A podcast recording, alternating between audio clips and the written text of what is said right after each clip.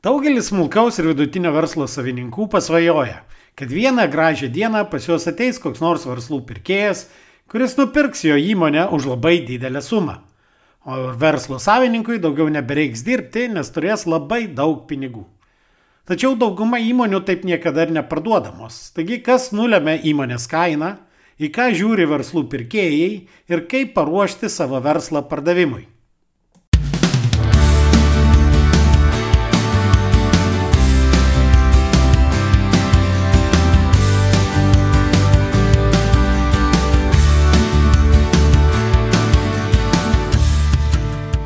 Sveiki, jūs klausotės podkasto Nuo amato prie verslo, kuriame tikima, kad verslas turi būti pajamų, pasiekimų ir pasitenkinimo šaltinis, o ne tik kelti stresą ir deginti laiką. Su jumis aš, šios laidos autorius ir vedėjas, verslo konsultantas, treneris ir efektyvumo fanatas Nerius Esinačius. Jūs klausotės jau 12 tinklalaidės epizodo. Ir šiandienos tema - verslo pardavimas ir parduodamo verslo vertė. Ši laida bus kiek ilgesnė nei įprastai, nes svečiuose turėjau labai įdomų pašnekovą. Todėl esu įsitikinęs, kad šis epizodas jums irgi neprailgs.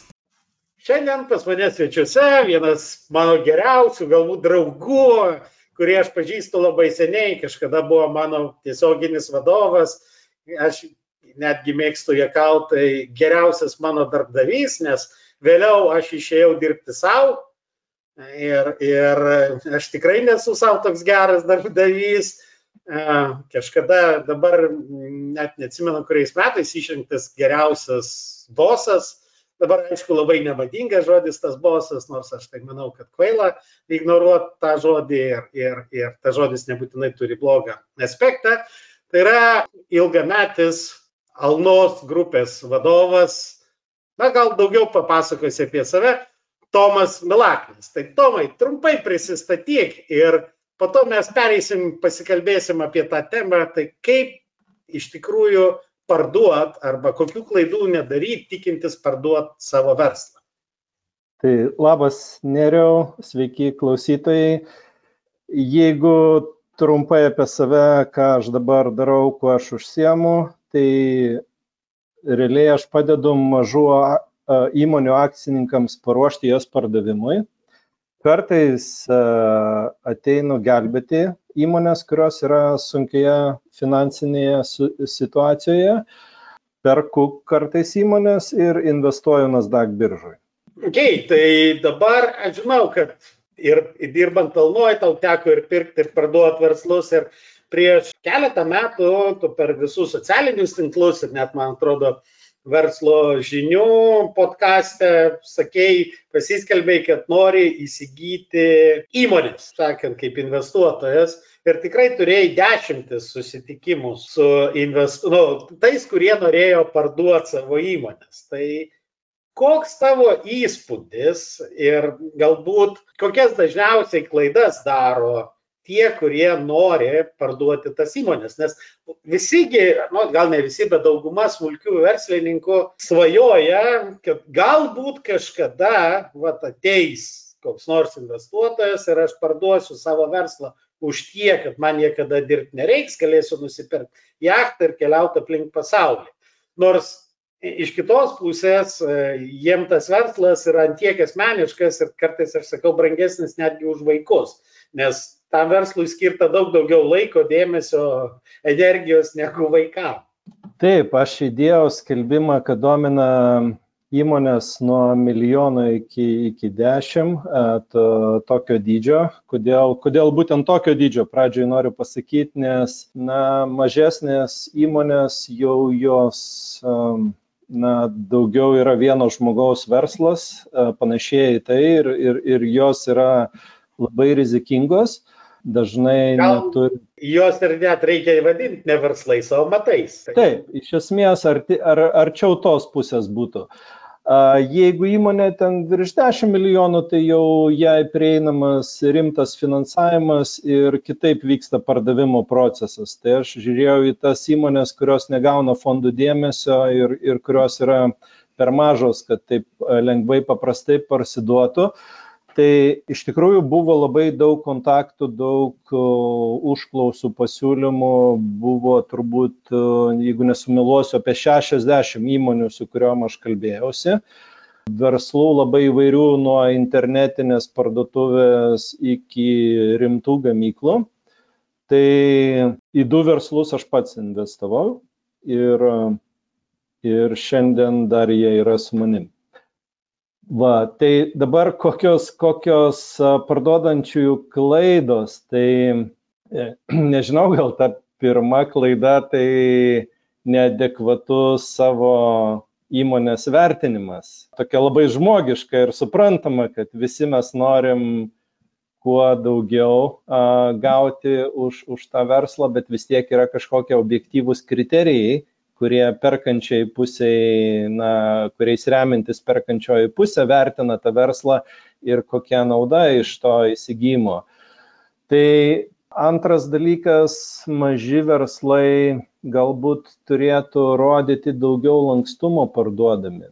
Ir būna, būdavo tokiu atveju, apie nieką nenoriu diskutuoti, va tiek arba, arba nieko. Nu tai nieko, tada, tada gaunasi, kad uh, kad kaip ir nieko.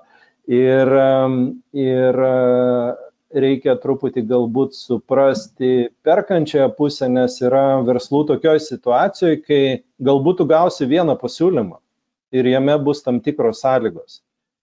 Ir nereikia bijot kalbėtis, nereikia bijot pasakyti, kas tau pačiam netinka, kur tu norėtum diskutuoti, galėtum diskutuoti, o kur yra nediskutuojami dalykai, bet kai iš vis nediskutuoja, tai klausimas, ar tikrai nori parduoti.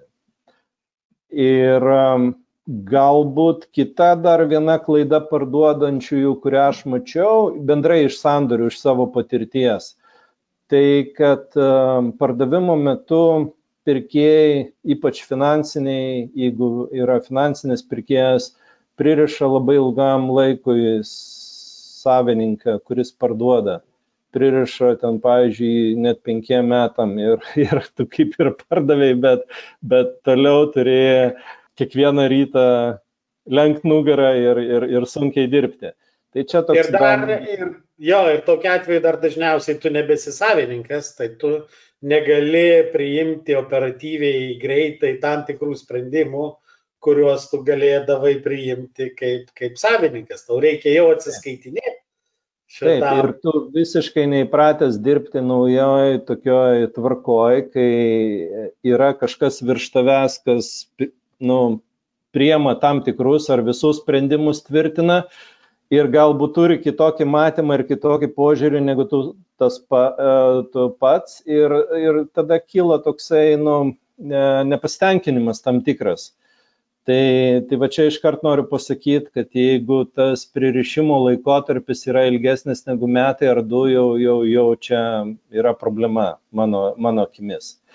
Na, o kitas dalykas, kad beveik visos įmonės, kurias teko žiūrėti, jos, jos neparuoštos pardavimui, jos neparuoštos pardavimui ir, ir čia yra viena iš su, jo, sunkių. Tai va, ką reiškia neparuoštos pardavimui? Tai gali reikšti labai daug. Pirkėjo, iš pirkėjo pusės, nu, sakykime, dažniausiai, kokios dažniausios klaidos yra. Aš jau nešneku nepasiruošimas mokestiniams dalykams, čia kur, kur po to tenka sumokėti didelės e, mokesčius jau pardavus e, valstybei ir panašiai. Tai apie tos dalykus galbūt e, kaip paruošti per savininko prizmę, bet kaip, kaip neparuošta pirkėjo požiūrį. Na čia būna labai daug skirtingų dalykų, bet, e, nu, gal sakysiu, tokį ekstremalų pavyzdį duosiu.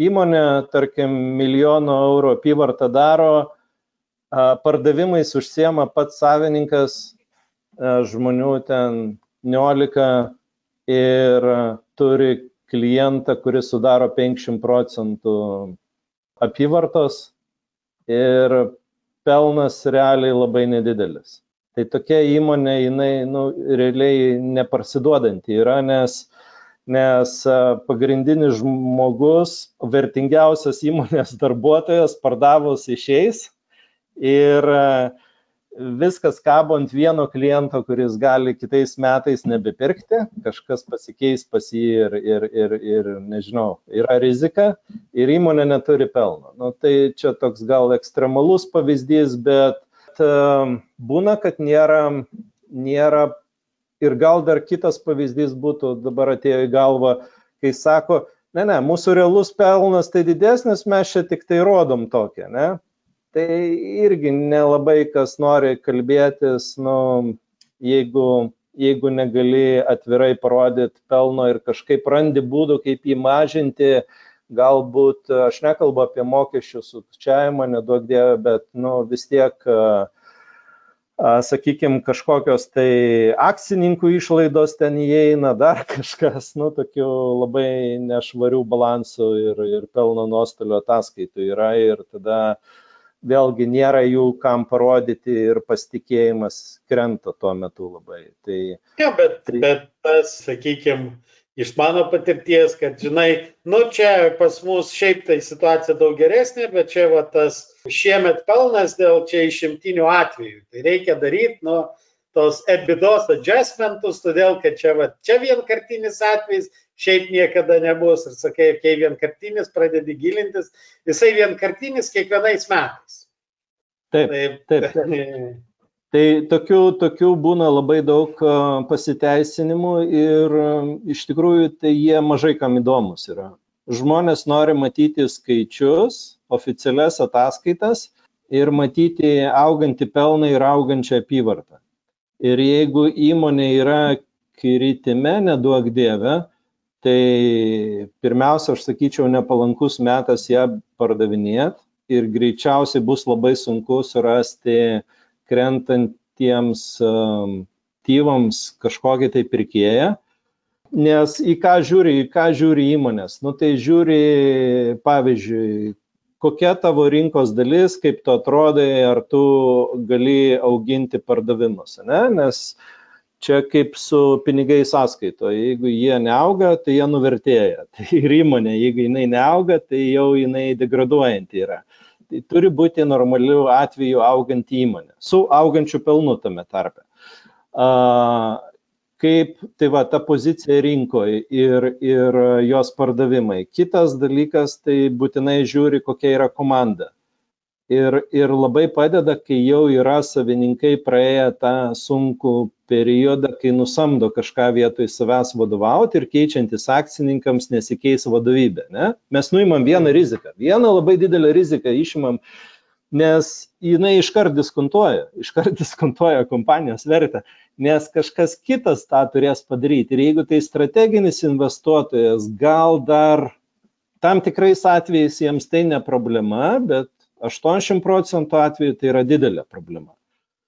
Tada žiūrim klientų pasiskirstimą. E, jeigu vienas klientas sudaro daugiau negu 10 procentų apyvartos įmonės, jau prasideda tada jau, jau, jau tam tikri nerimo ženklai.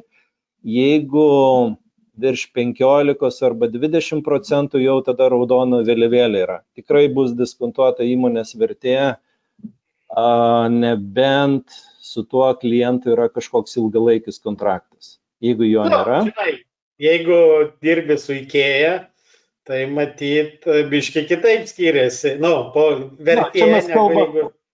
kalbam apie išimtis, taip? Kai, taip, taip. kai, kai turbūt ir tavęs negali taip lengvai pakeisti su tokiais kiekiais ir tokia specifika tiekėjas ir, ir tu jam esi reikalingas.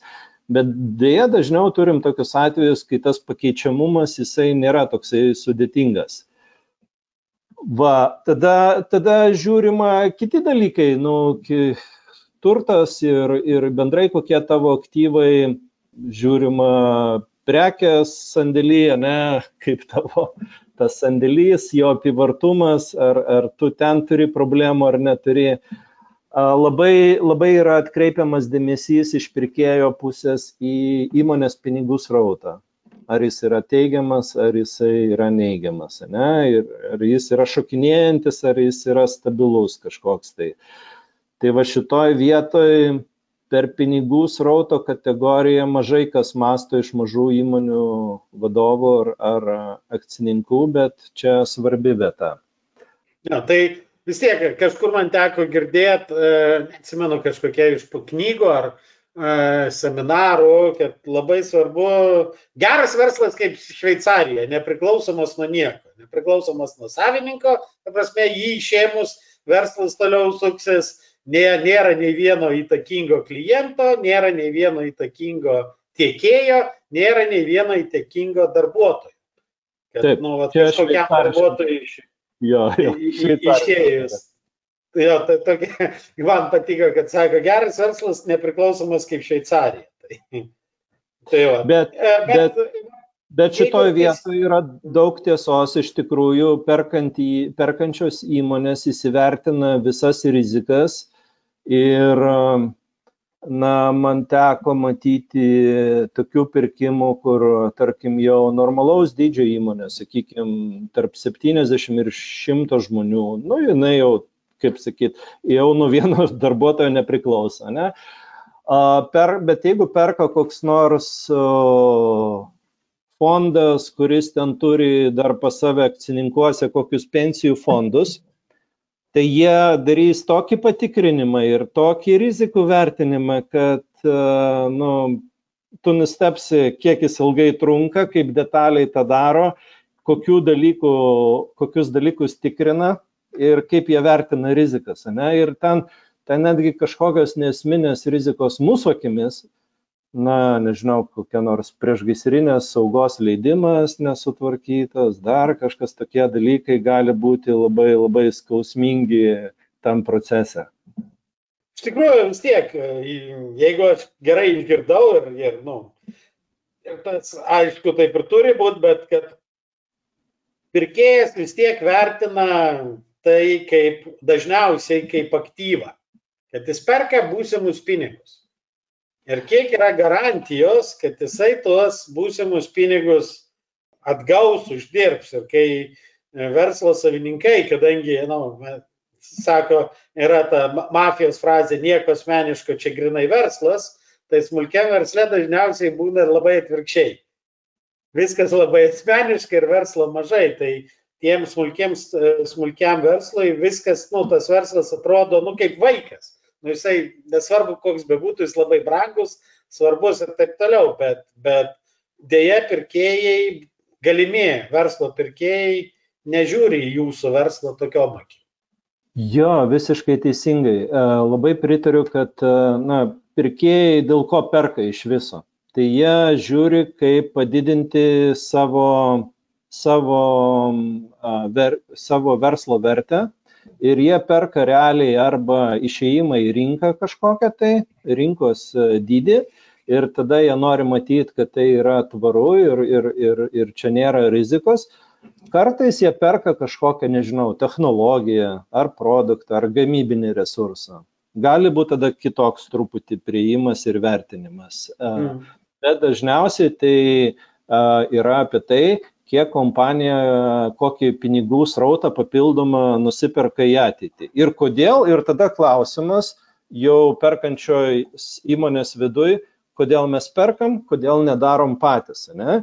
Kaip perkant, mes tai galim padaryti, įgyti tai greičiau, efektyviau, pigiau, su mažiau rizikų. Ir tai va tas pats yra. Jeigu tugi gali nu, nu, bandyti padaryti sukurtą pats, Bet vad kaip Elonas Maskas pirko Twitterį labai brangiai, nu jis sakė, man tai pagreitins mano tikslą 3-5 metais, ne? Tai vat yra toksai, kad ir jeigu ta rizika yra valdoma, tai va čia dar labai svarbi dalis, jeigu ta rizika yra valdoma, tada tu gali kalbėti apie tam tikrą kainą. Ir aš suprantu, kad labai, labai uh, skausminga, labai kaip čia subjektyvu yra parduodančiam ir išsiskirt sunku ir dėl įvairių priežasčių, kai kam nusibodo, kai kas nori į pensiją, kai nu, sveikatos priežasčių nedaug dėvi, visokių yra priežasčių. Bet kartais nueini į įmonę ir žiūri, apyvarta auga, o pelno visada yra nulis. Ir per ten 10-20 metų nei karto nemokėti dividendai, ir įmonė neuždirbo pelno. Ir tada klausi. Kur babkės? Ir klausi, Jonai, tai apie ką tavo šitas verslas? Tu čia turi socialinį projektą, turbūt. Žinai, nu jisai, jis, ir tai yra labai graži misija, ne? Bet tai mes turim tada atvirai sutarti, pasisakyti savo, kad prasmė to verslo yra socialinė. O tai nėra o verslas, tai, o tai yra socialinis tai yra, projektas. Taip, tai yra socialinė misija ir tai nėra aktyvas, kuris gali būti skirtas pardavimui. Ir jeigu mes norim tokį pasidaryti, tai tada kažkas turi, tai sako, mes turėjom kelt atlyginimus, tai mes turėjom investuoti. Nu, viskas suprantama, bet, bet jeigu tu per 20 metų visą laiką tik investuoji ir tai neduoda, neuždirbi pelno, reiškia, tavo investicijų graža yra, nu, nulinė. Ir, ir šitoj vietoj a, reikia labai pagalvoti, kaip, kaip toliau judėti ir ar pardavinėti tada, jeigu iš vis galima parduoti, susimažinus savo lūkesčius, arba turėti nusiteikimą tą verslą sutvarkyti pasiimti profesionalus, kurie tą galėtų į tai pasižiūrėti kitomis akimis, sutvarkyti ir tada pradėti pardavinėti. Bet tam gali reikėti dviejų, trijų metų. Tai va, tai, tai tokia dilema būna kartais.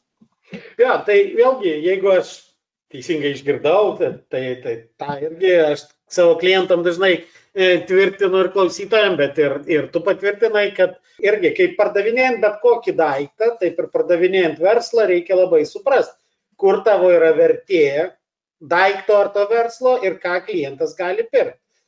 Kai kas perka rinką, kai kas perka gamybinius, e, reiškia, pajėgumus, kai kas perka technologijas, kai kas perka dar kažką, kai kas tiesiog perka greitį, kad, nu, mes galim tą patį pasidaryti, bet mums tai užtruks, aš žinau, mes, aš irgi, kai vienoje iš įmonių, kur, kur dirbau, tai žiūrėjom galimą įsigijimą Ir vienintelė priežastis, kodėl nu, nu, buvo nuspręsta įsigyti, nu, žiūrėti tokį variantą, tai todėl, kad mes, mums patiems tai būtų užtrukę apie 5-7 metus pasiekti tokį lygį, jeigu viskas klostytųsi daug maž normaliai. Na, po tu čia gali, galbūt biškiai už didesnius pinigus, greitai turėti e, tai, ką normaliai turėtum po 5-7 metų. Tai irgi Taip, vat, labai svarbu ir priklauso nuo to, kas pirks. Nes jeigu tu pardavinėjai gamybinius pajėgumus, tai klausimas, ar pirks e, investicinis fondas. Čia labiau tikėtina, kad pirks koks nors ar konkurentas, ar nu, kažkas tokio. Bet, bet jeigu tai yra pinigus generuojantis aktyvas, tai tada labiau e, tiks investiciniam fondui. Tai vienreikšmiai pritariu šitam, kad jeigu mes turim pelningą įmonę ir augančią sveiką įmonę, mes turim daug didesnį pirkėjų pasirinkimą, o jeigu turim su tam tikrom problemom, tai, tai gali būti labai mažai įmonės vertė arba nulinė netgi ir, ir, ir kartais ir tokių būna uh, fire sale, kaip vadinamų dalykų. Kartais reikia suvokti, kad šiandien gal aš negaliu gauti jokio, jokio normalaus pinigų, kaip čia kiekio už tą įmonę, bet gal galėčiau gauti ateityje, jeigu jie, pavyktų kažką su ją sudaryti. Tai reiktų daryti tokį sandorį, kuris truputį į ateitį orientuotas, o ne į šiandienos situaciją. Tai labai įvairiai. Ir, ir pagal esamą situaciją reikia žiūrėti ir skirtingo pirkėjo ieškoti. Tai Taip, vieniem reikia tik, tik tai resursų, o kitiem reikia um, įmonės veikiant. Jo, paminėjai fire sale, išpardavimą, tai vakar internete perskaičiau, kad e, šitas šveicarai turi naują tą vieną ragį.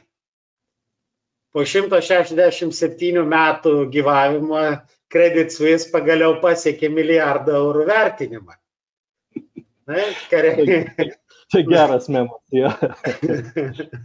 jo, tik tai prieš metus, buvo... prie, jo, prieš metus jo vertė buvo virš 30 milijardų. Tai... Taip, tai čia buvo labai geras, net ne prieš metus, dar kai investavo Saudo Arabijos fondas, man atrodo, lapkričio mėnesį jos, dar tam buvo vertė 10 milijardų. Tai, tai va čia geras pavyzdys yra tos, tokio pardavimo, kai kai negali tikėtis daug vertės ir neturi variantų, turi parduoti. Dar vienas klausimas, žinai, vis tiek vienaip ar kitaip, dažniausiai kaina nustatoma, aišku, būna išimčių, bet vis tiek 95 atvejais iš šimto kaina nustatoma pelną arba tą vadinamą EBITDA dauginant iš vienokio ar kitokio indekso, ne, multiplikatorius. Tai šnekant su smulkaus verslo savininkais, jie pasiskaitė ten žinai, e, straipsnius spaudoj, kaip ten šitą, jie tikisi ten, nu, 7, 9, 10 ar 15 to indikatoriaus. Vis dėlto, koks, kaip sakant, koks yra realus, dažniausiai sutinkamas indikatorius, šnekant apie smulkų ir vidutinį verslą? Jo, čia toks mitas, aš tai jau penkių, šitą septynių, devynių jau nebegirdžiu, bet toks yra mitas penkios ebidos, e, kad, na, va, penkias tai turėčiau gauti. Tai, tai viskas, kaip sakom angliškai, depends, ne, viskas priklauso nuo situacijos. Ir netgi pradant nuo to, ar yra šiuo metu tokia daug pinigų rinkoje ir daug pirkėjų ar mažai. Ir vien nuo to viena ebida gali skirtis, nepriklausomai nuo to, kaip įmonė atrodo. Bet, bet iš tikrųjų tai nebūtinai, nebūtinai tos penkios, aš jau nekalbu apie daugiau ebidų, bus. Gali būti daugiau, gali būti septynios. Septynios tai jau uh, galima savo paplot per petį, kad tikrai geras, geras variantas. Uh, Penkios nebūtinai bus priklauso nuo visų faktorių, kurie didina riziką. Tai pradedant nuo įmonės dydžio, tai ar mano įmonė milijonas ar dešimt, jau nuo to ebidų daugiklis skirsis. Ir baigiant tais visais kitais išvardintais dalykais. Ką čia reikėtų suprasti žmonėm, kad pinigai jie vaikšto labai susisiekiantis indai yra visam pasauliu. Tai jeigu aš galiu biržai turėti, investuoti į likvidžias įmonės, ne, ir dabar aš išeinu į biržą į kažkokį tai UAB, tai jau, jau aš turiu mokėti mažiau, mano rizika jau yra didesnė negu, negu biržoje, nes, nu, pirmiausia, aš UAB neparduosiu taip greitai, kai norėsiu. Tada tas UAB yra Lietuvoje ne, ne Amerikoje, jau dar krenta. Ne? Tada jisai yra tas UAB kažkokioje tai industrijoje. Industrijos vertinamos skirtingai. Tarkim, maisto industrija yra mažiau, labiau atspari visokiems viravimam. Žmonės valgo vis tiek. Kai kurios industrijos labai priklauso nuo rinkos pakilimo ir nuopolio. Tai vėl nuo industrijos dar daromas kažkoks tai mažin, e, disko, diskontas ir tada apyvarta. Ir tada dar prisideda klientų portfelis, tada visi kiti dalykai, vadovų komanda. Vadovų komanda gal per mažai pabrėžiam, kiek yra svarbu matyti, ką mes ten turim. Nebent strateginis ateina ir jiem nereikia vadovų komandos. Bet, e, bet dažniausiai reikia.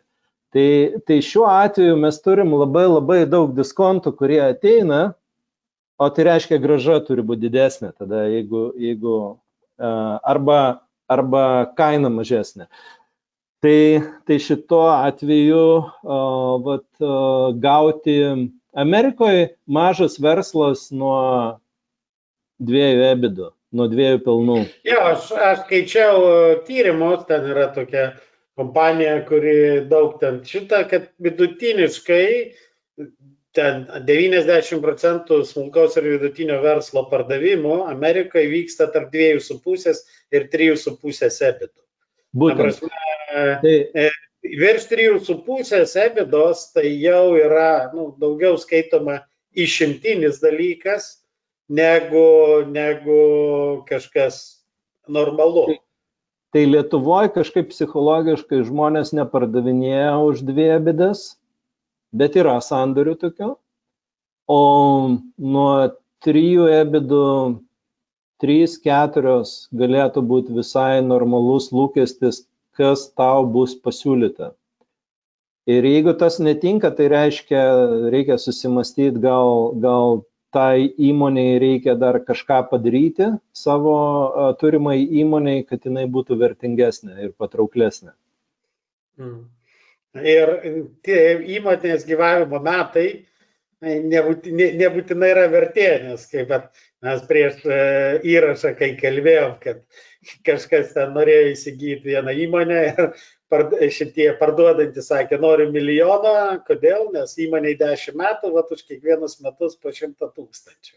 Taip, čia labai, labai toks suprantamas ir toks E, iš pardavėjo pusės e, vertinimas, bet nu, niekam neįdomu, kiek tu metų dirbai, ar tu 10 metų, ar tu 3 metus, e, tu per 3 metus tokį rezultatą pasiekiai ir nieks nenori mokėti už tą laiką, nori mokėti už rezultatą, ne, kurį įsigyja.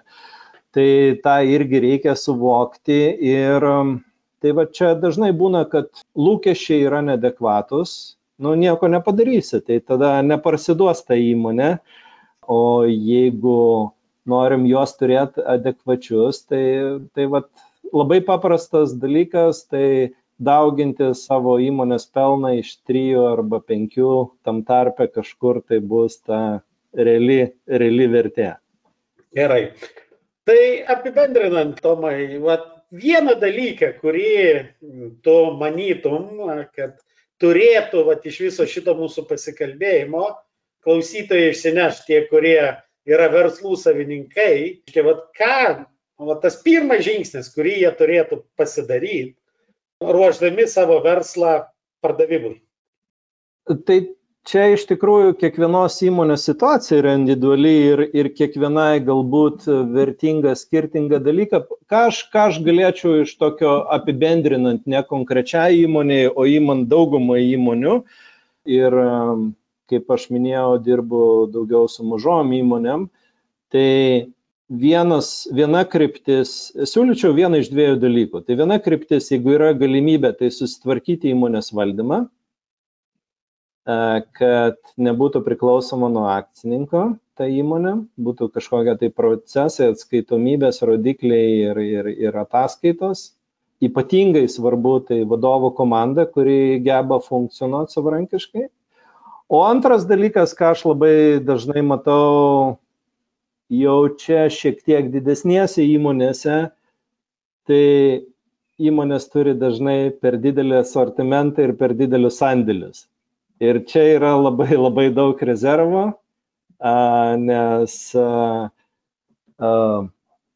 daug asortimento tai nereiškia, kad visas tas asortimentas generuoja pelną.